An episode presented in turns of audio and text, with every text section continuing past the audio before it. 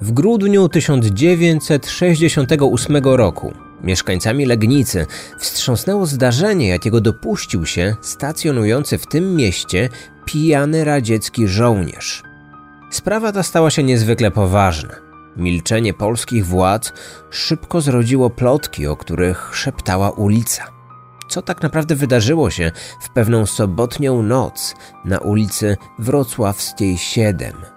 Czy milicyjne akta mówią prawdę o tych wydarzeniach?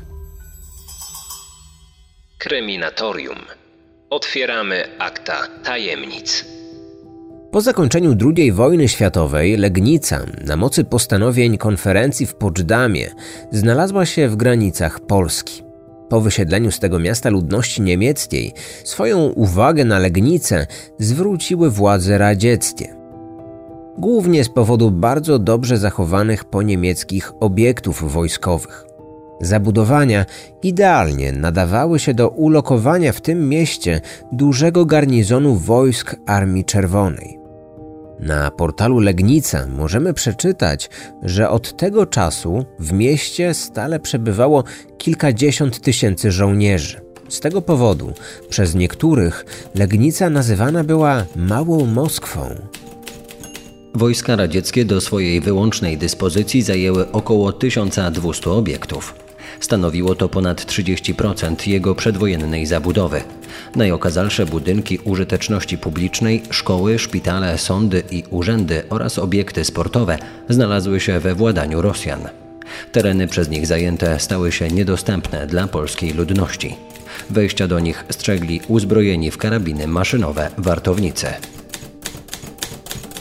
W roku 68 jednym z takich wartowników został 19-letni żołnierz, szeregowy Swiatosław Aleksandrowicz Kriukow.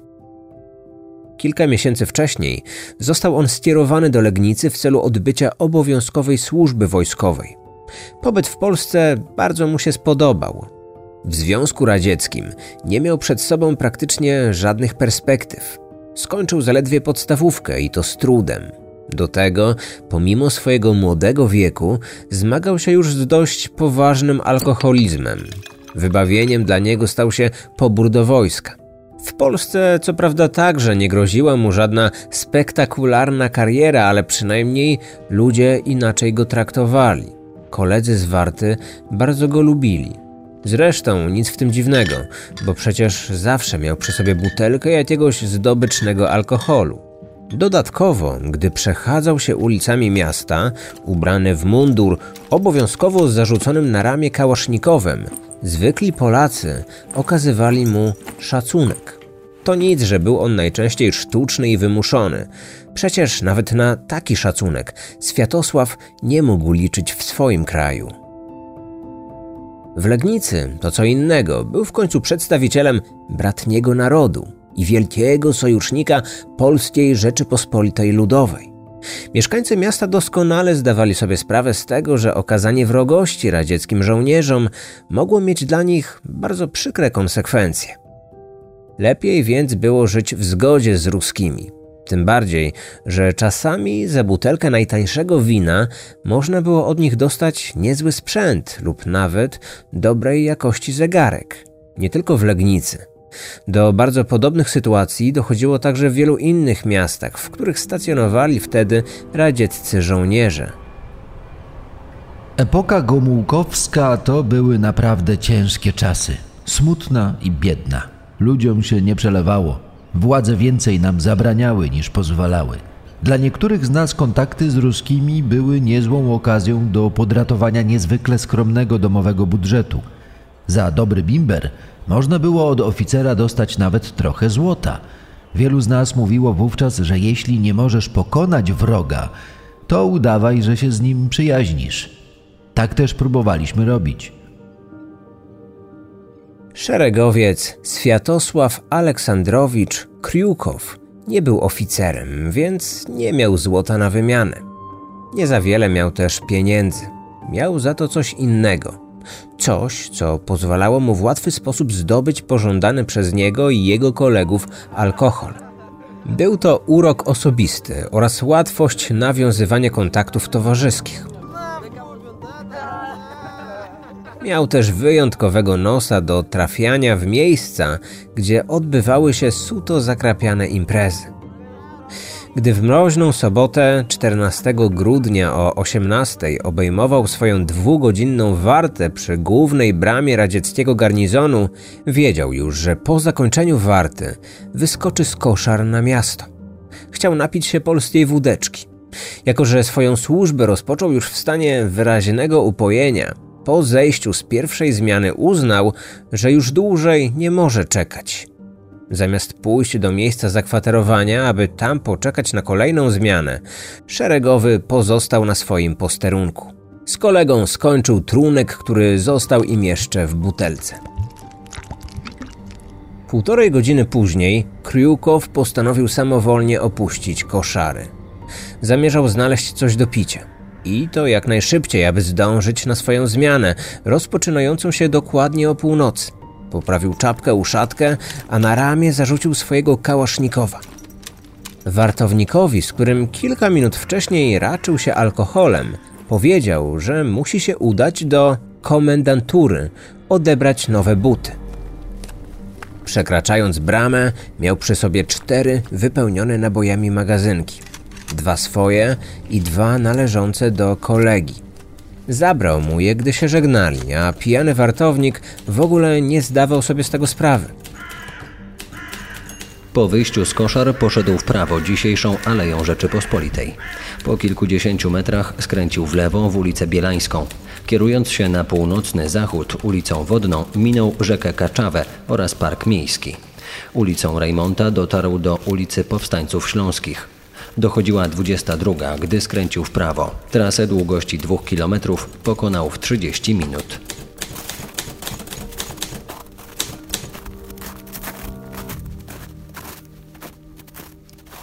W czasie, gdy pijany radziecki szeregowiec przemierzał Legnicę w poszukiwaniu okazji do wypicia, w kamienicy przy ulicy Powstańców Śląskich 5 trwała wesoła impreza.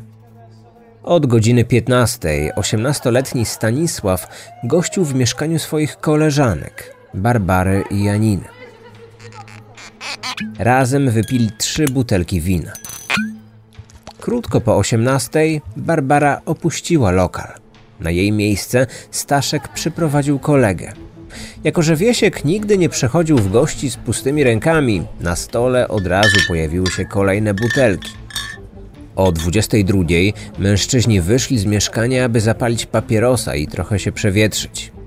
Stali w otwartej bramie, gdy niespodziewanie podszedł do nich nietrzeźwy młody żołnierz z bronią na ramieniu. Wiesiek nie rozumiał, o co ich zapytał.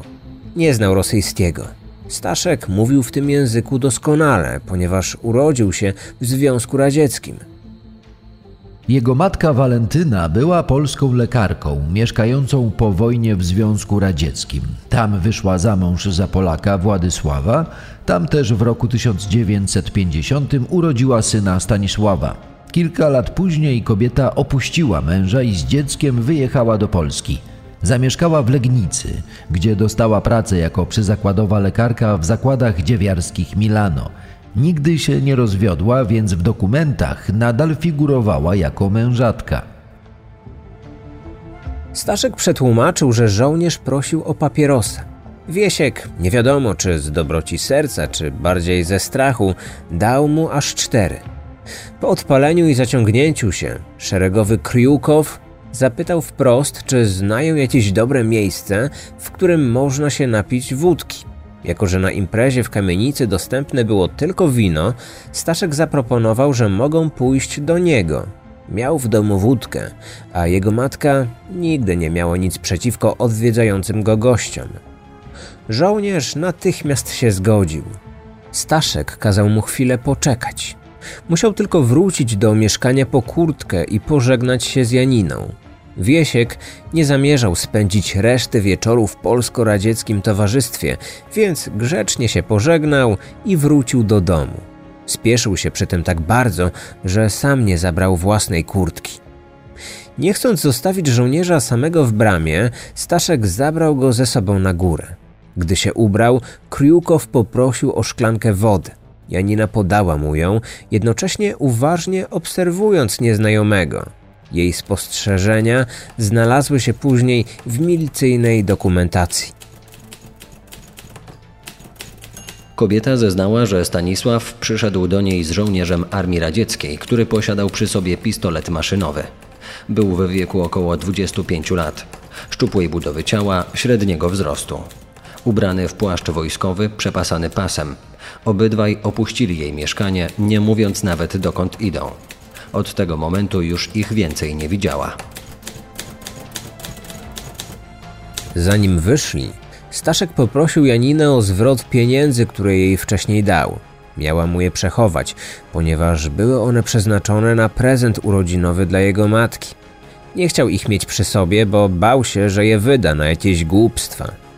Widocznie uznał, że napicie się z przedstawicielem bratniego narodu do takich głupstw nie należało. Do urodzin Walentyny pozostał ponad miesiąc. Wystarczająco długo, aby uzbierać parę złotych.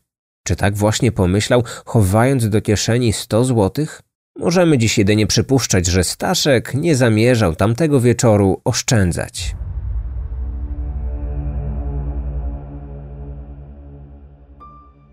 Kwota, jaką dysponował Stanisław, odpowiadała ówczesnej przeciętnej dniówce osoby pracującej na pełen etat. Niewiele. Nic więc dziwnego, że już godzinę później mężczyźni wrócili do mieszkania Janiny po dodatkowe fundusze. Pomimo stukania do drzwi, nikt im jednak nie otworzył. Po wyjściu z bramy natknęli się jeszcze na wracającą do domu Barbarę. Staszek powiedział jej, że ostatnią godzinę spędzili w lokalu o nazwie Marago, dodając przy tym, że następnym punktem na ich mapie sobotniego picia będzie mieszkanie Staszka na ulicy Wrocławskiej 7. Mężczyźni dotarli tam około północy. Jego matka jeszcze nie spała. Wojciech Kondusza w książce Mała Moskwa Rzecz o radzieckiej Legnicy twierdził, że kobieta słyszała, jak do domu wrócił jej syn. Jednak nie potwierdzają tego akta sprawy, które na ten temat po prostu głucho milczą. Nawet jeśli tak było, to prawdopodobnie Walentyna nie była świadoma, że Staszek przyprowadził do mieszkania nowo poznanego towarzysza. Natomiast dalsze wydarzenia zostały zrekonstruowane przez ówczesnych śledczych z dość sporą dokładnością. Około w pół do drugiej w nocy do jej pokoju wszedł syn, ubrany w podkoszulek, spodnie i skarpetki. Był pijany. Zapytał matkę, gdzie jest Janina. Twierdził, że z nią przyszedł, ale nie mógł jej znaleźć, bo zaginęła gdzieś w mieszkaniu. Poprosił o pomoc w jej odnalezieniu. Wtedy Walentyna ubrała szlafrok, przeszukała kuchnię, łazienkę i spiżarnię. Wyjrzała też na klatkę schodową, ale nigdzie nie znalazła dziewczyny. Sprawdzając każde możliwe pomieszczenie, w końcu otworzyła drzwi do pokoju Stasia. Nagle zdębiała i stanęła jak wryta. Na stojącym w rogu łóżku siedział radziecki żołnierz. Dopiero po kilku sekundach Walentyna zorientowała się, że celował do niej z karabinu. Na pytanie kobiety, co on tutaj robi, szeregowiec odpowiedział, że przyszedł wypić wódkę z jej synem. Wtedy kobieta zapytała, dlaczego do niej celuje. Usłyszała, że to tylko takie żarty. Po jej uwadze, że nie należy tak żartować, trzymając w rękach broń, żołnierz powtórzył, że to przecież tylko żarty. Jednocześnie poprosił, aby zawołała swojego syna. Tak też zrobiła. Gdy po chwili do pokoju wszedł Stanisław, na jego widok żołnierz poderwał się z łóżka i przeładował broń. Następnie, mierząc w jego pierś, wydał głośną komendę charakterystyczną dla wartowników: Stać, nie ruszać się. Zdecydowanym ruchem rozkazał Walentynie posadzić jej syna na krześle stojącym przy drzwiach. Matka była przerażona. Zapytała osiemnastolatka, o co tutaj chodzi. Chłopak uspokoił matkę. Mówił, że nic się nie dzieje, że jego kolega tak sobie tylko żartuje. Jednak twarz radzieckiego żołnierza w dalszym ciągu nie zdradzała nawet najmniejszych oznak rozbawienia. Gdy tylko Stanisław zrobił krok w jego stronę, padło kolejne ostrzeżenie: Stój i nie ruszaj się, bo będę strzelać. wraz z wykrzyczeniem ostatniej sylaby tej komendy padł strzał. Trafiony w pierś Stanisław upadł na podłogę. Zanim znieruchomiał, zdążył jeszcze wyszeptać, że on tak tylko żartuje. Wtedy padło kilka kolejnych strzałów, tym razem w stronę kobiety. Walentyna upadła w korytarzu, tuż za drzwiami. Leżąc w kałuży własnej krwi, widziała, jak radziecki żołnierz podszedł do jej nieprzytomnego syna, wycelował w niego i wystrzelił, kwitując to stwierdzeniem, że on przecież tylko żartuje. Wychodząc z mieszkania na klatkę schodową, Kriukow, nawet się nie odwracając, krzyknął do ciężko rannej kobiety, że jej synowi nic nie będzie. Gdy w mieszkaniu rozgrywała się tragedia niewinnych ofiar, niemal tuż pod ich oknami przechodzili funkcjonariusze Legnickiej Milicji Obywatelskiej, pełniący w tym czasie swój dyżur patrolowy. Zaalarmowani odgłosem wystrzałów z broni automatycznej, natychmiast wbiegli do kamienicy. Będąc mniej więcej w połowie słabo oświetlonych schodów prowadzących na półpiętro, natknęli się na uciekającego w ich stronę uzbrojonego w karabin radzieckiego żołnierza. Milicjanci nie mieli wiele czasu na reakcję. Pierwszy na drodze Kryukowa stanął plutonowy Kazimierz Olewicz. Rosjanin oddał w jego stronę kilka strzałów, ale nie trafił. Polak chwycił ręką za lufę kałasznikowa, próbując obezwładnić napastnika. W trakcie ich szamotaniny padł kolejny strzał, raniący milicjanta w lewe udo. Plutonowy Olewicz spadł ze schodów, a po uderzeniu głową o posadzkę stracił przytomność. Nadbiegający za Olewiczem Horst Nicko, będący członkiem ORMO, czyli Ochotniczej Rezerwy Milicji Obywatelskiej, został postrzelony w lewą dłoń. Natychmiast się wycofał i wybiegł z budynku. Widząc na schodach zakrwawionego milicjanta, a jednocześnie sam będąc rannym, postanowił czym prędzej powiadomić pogotowie ratunkowe. Dwaj inni milicjanci, kapral Tadeusz Kamiński oraz kapral Zdzisław Lickiewicz, zginęli na miejscu. O wpół do drugiej dyżurny MO w Legnicy odebrał telefon od jednej z mieszkanek kamienicy przy ulicy Wrocławskiej 7, że w budynku tym słychać było wystrzały z broni palnej. Niedługo później do lekarza pogotowia ratunkowego zgłosił się ranny funkcjonariusz, który poinformował, że pod wskazanym adresem mogą znajdować się ranni lub zabici. Na miejsce natychmiast udała się grupa funkcjonariuszy. Na klatce schodowej natknęli się na leżące w kałuży krwi martwe ciała dwóch milicjantów. Obok nich znajdował się trzeci, wciąż żyjący, choć nieprzytomny. W wyniku oględzin miejsca zdarzenia stwierdzono, że zwłoki kaprala Kamińskiego leżały głową w dół i piersią na podejście półpiętra. Reszta jego ciała znajdowała się na schodach. Zwłoki Lickiewicza leżały niżej, w pozycji na wznak. Nogi na stopniach schodów, reszta ciała na posadzce korytarza.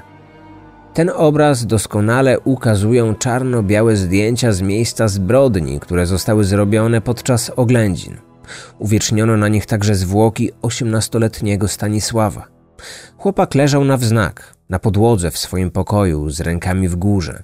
Jego podciągnięty do góry biały podkoszulek odsłonił ciemne punkty widoczne z prawej strony brzucha. Prawdopodobnie były to dziury po kulach, które pozbawiły go życia w tak młodym wieku.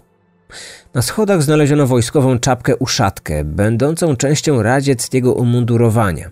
Wokół pełno było łusek z kałasznikowa. Na pierwszym piętrze, w przedpokoju mieszkania numer jeden, leżała ciężko ranna Walentyna. Nieco dalej, w pokoju, znaleziono jej martwego, osiemnastoletniego syna. O całej sprawie dowiedziałem się od Dominiki, słuchaczki podcastu. Tadeusz Kamiński, czyli jeden z zabitych milicjantów, był dziadkiem jej chłopaka. Pamięć o jego przodku wciąż jest żywa w ich domu i cała historia stale powraca we wspomnieniach członków całej rodziny. To właśnie od nich otrzymałem materiały, na podstawie których zrealizowałem ten odcinek. Zależało im na tym, aby wrócić do tego tematu i o wszystkim przypomnieć. Tym bardziej, że wnuk Tadeusza Kamińskiego poszedł w ślady dziadka i też został policjantem, podobnie jak jego dziewczyna, Dominika.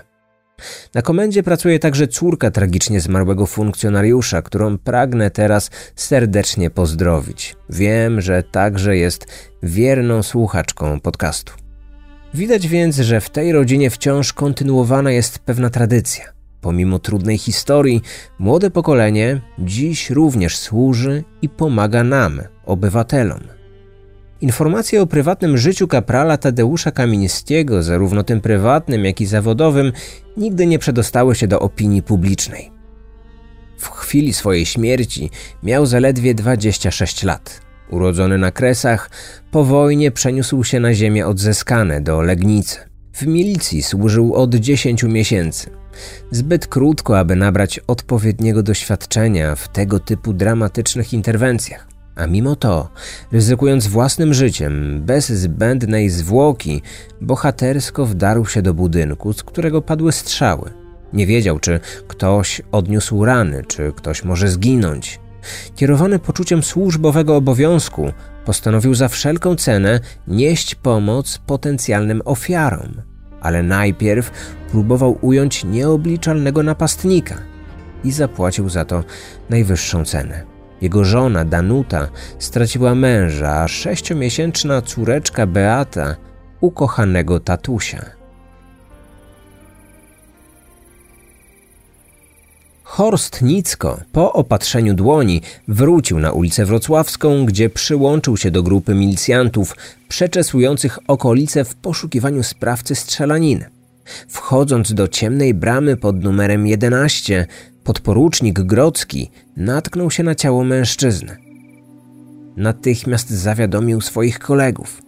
Po oświetleniu tego miejsca okazało się, że w kałuży krwi leży radziecki żołnierz.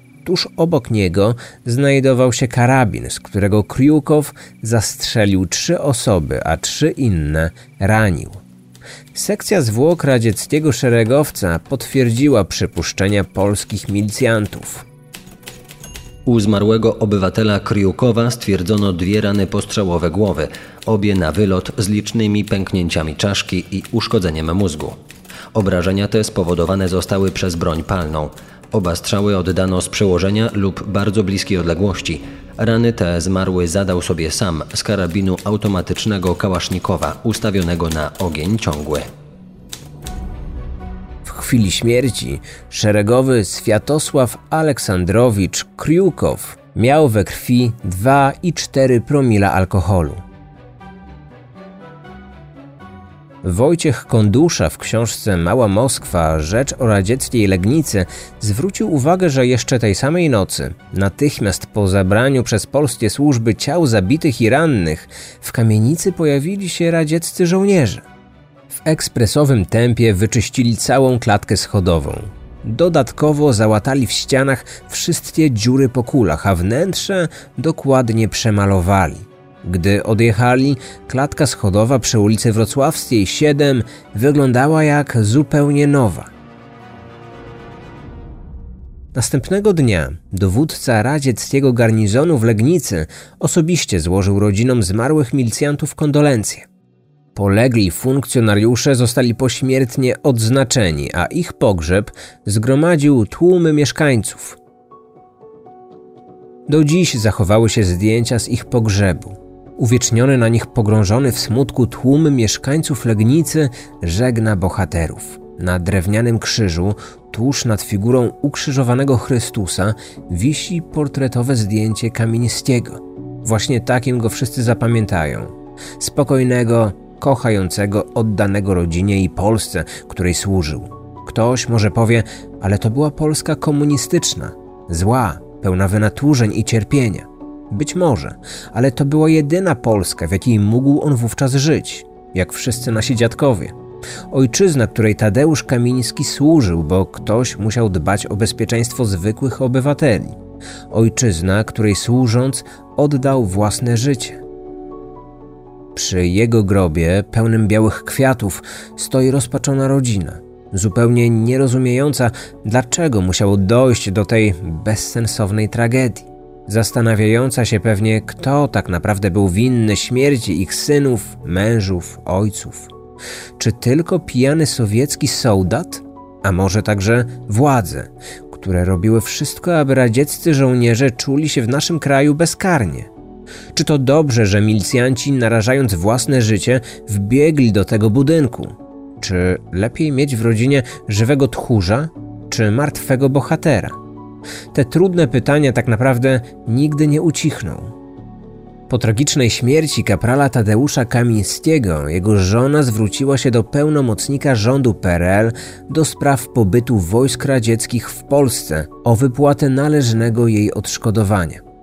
Jej prośbę rozpatrywano prawie rok, ale ostatecznie wdowa otrzymała takie odszkodowanie. Jednocześnie jego córce przyznano rentę. Przez ponad 20 lat Danuta Kamińska samotnie wychowywała swoją córkę. Za każdym razem, gdy zwracała się do byłych przełożonych zmarłego męża z prośbą o pomoc, była odprawiana z kwitkiem, ponieważ nikt nie chciał narazić na szwank dobrych stosunków ze Związkiem Radzieckim. Zdaniem ówczesnych władz, przypomnienie o tej sprawie byłoby jawnym działaniem antyradzieckim i podważeniem wielkiej przyjaźni pomiędzy dwoma sojuszniczymi narodami.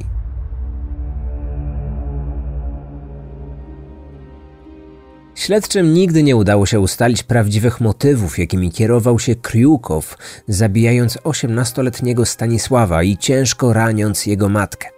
Ostatecznie, nieco ponad dwa miesiące później, śledztwo zostało oficjalnie umorzone. Uznano, że żołnierz po zastrzeleniu trzech osób i zranieniu trzech innych sam odebrał sobie życie. Ale czy na pewno? Bardzo szybko umorzono śledztwo i na temat tej sprawy polskie władze nabrały wody w usta. Dziś można to tłumaczyć próbami zapobiegnięcia pogarszania się stosunków pomiędzy polskimi mieszkańcami Legnicy, a przebywającymi w tym mieście żołnierzami radzieckimi, którzy i tak nie cieszyli się dobrą reputacją. Ale opinia publiczna i tak wiedziała swoje. Milczenie władz stało się idealnym paliwem do powstania najróżniejszych plotek i teorii spiskowych. Wkrótce ludzie zaczęli powtarzać między sobą najróżniejsze zasłyszane gdzieś na ulicy historie. Jedna z nich mówiła, że sprawca wcale nie popełnił samobójstwa, a jego śmierć została upozorowana przez Rosjan, aby uniknąć skandalu.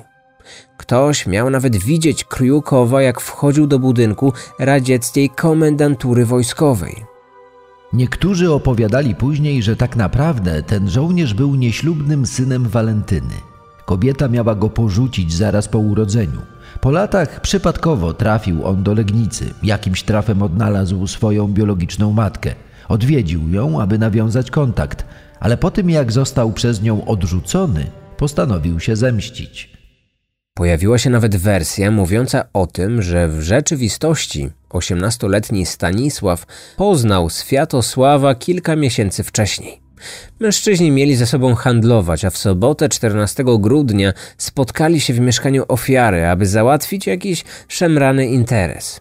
Coś jednak poszło nie tak i pijany radziecki żołnierz poczuł się oszukany przez Polaka. W odwecie zastrzelił swojego wspólnika, a jego matkę ciężko ranił. Rodzina zabitego kaprala Kamińskiego zwraca również uwagę na jeszcze jedną tajemnicę. Potomkowie poległego milicjanta nie są do końca przekonani, czy radziecki żołnierz rzeczywiście popełnił samobójstwo. Powołując się na zdjęcie, jakie zostało zrobione jego zwłoką, sugerują, że prawda o jego śmierci może być zupełnie inna. Broń miała leżeć zbyt daleko od jego ciała. Pytają więc, czy możliwy był aż tak silny odrzut, który odrzucił karabin kilka metrów dalej, w przeciwny kąt pomieszczenia. Czy mocno pijany żołnierz dałby radę strzelić sobie w głowę z długiej broni, przystawiając jej lufę do lewej skroni i jednocześnie pociągnąć za spust, trzymając karabin w tak niewygodnej pozycji? Czy nie łatwiej byłoby mu strzelić sobie w głowę, przystawiając lufę na przykład pod brodę? Może ktoś mu w tym pomógł. Rodzi się tylko pytanie, kto miałby to być? Jego radzieccy przełożeni? Którzy podobno na miejscu zbrodni pojawili się jeszcze przed polskimi milicjantami? Na te pytania prawdopodobnie nigdy już nie poznamy odpowiedzi. Żadnej z tych wersji oczywiście nie można ze stuprocentową pewnością wykluczyć. Nie ma jednak dowodów na to, że prawda o tych tragicznych wydarzeniach z grudnia 68 roku jest inna niż ta zawarta w milicyjnych aktach. A jeśli nie ma dowodów, możemy tylko spekulować. Bez tych dowodów żadna plotka nigdy nie stanie się faktem, nawet ta najbardziej prawdopodobna. Choć niewątpliwie rodziny ofiar radzieckiego żołnierza zasługują na poznanie prawdy o tych tragicznych wydarzeniach. Odcinek powstał w oparciu o akta osobowe kaprala Tadeusza Kamińskiego, legnickiego milicjanta zastrzelonego przez radzieckiego żołnierza. Wykorzystano również informacje zawarte w książce Mała Moskwa Wojciecha Konduszy oraz artykułach Gazety Legnickiej oraz portalu Legnica.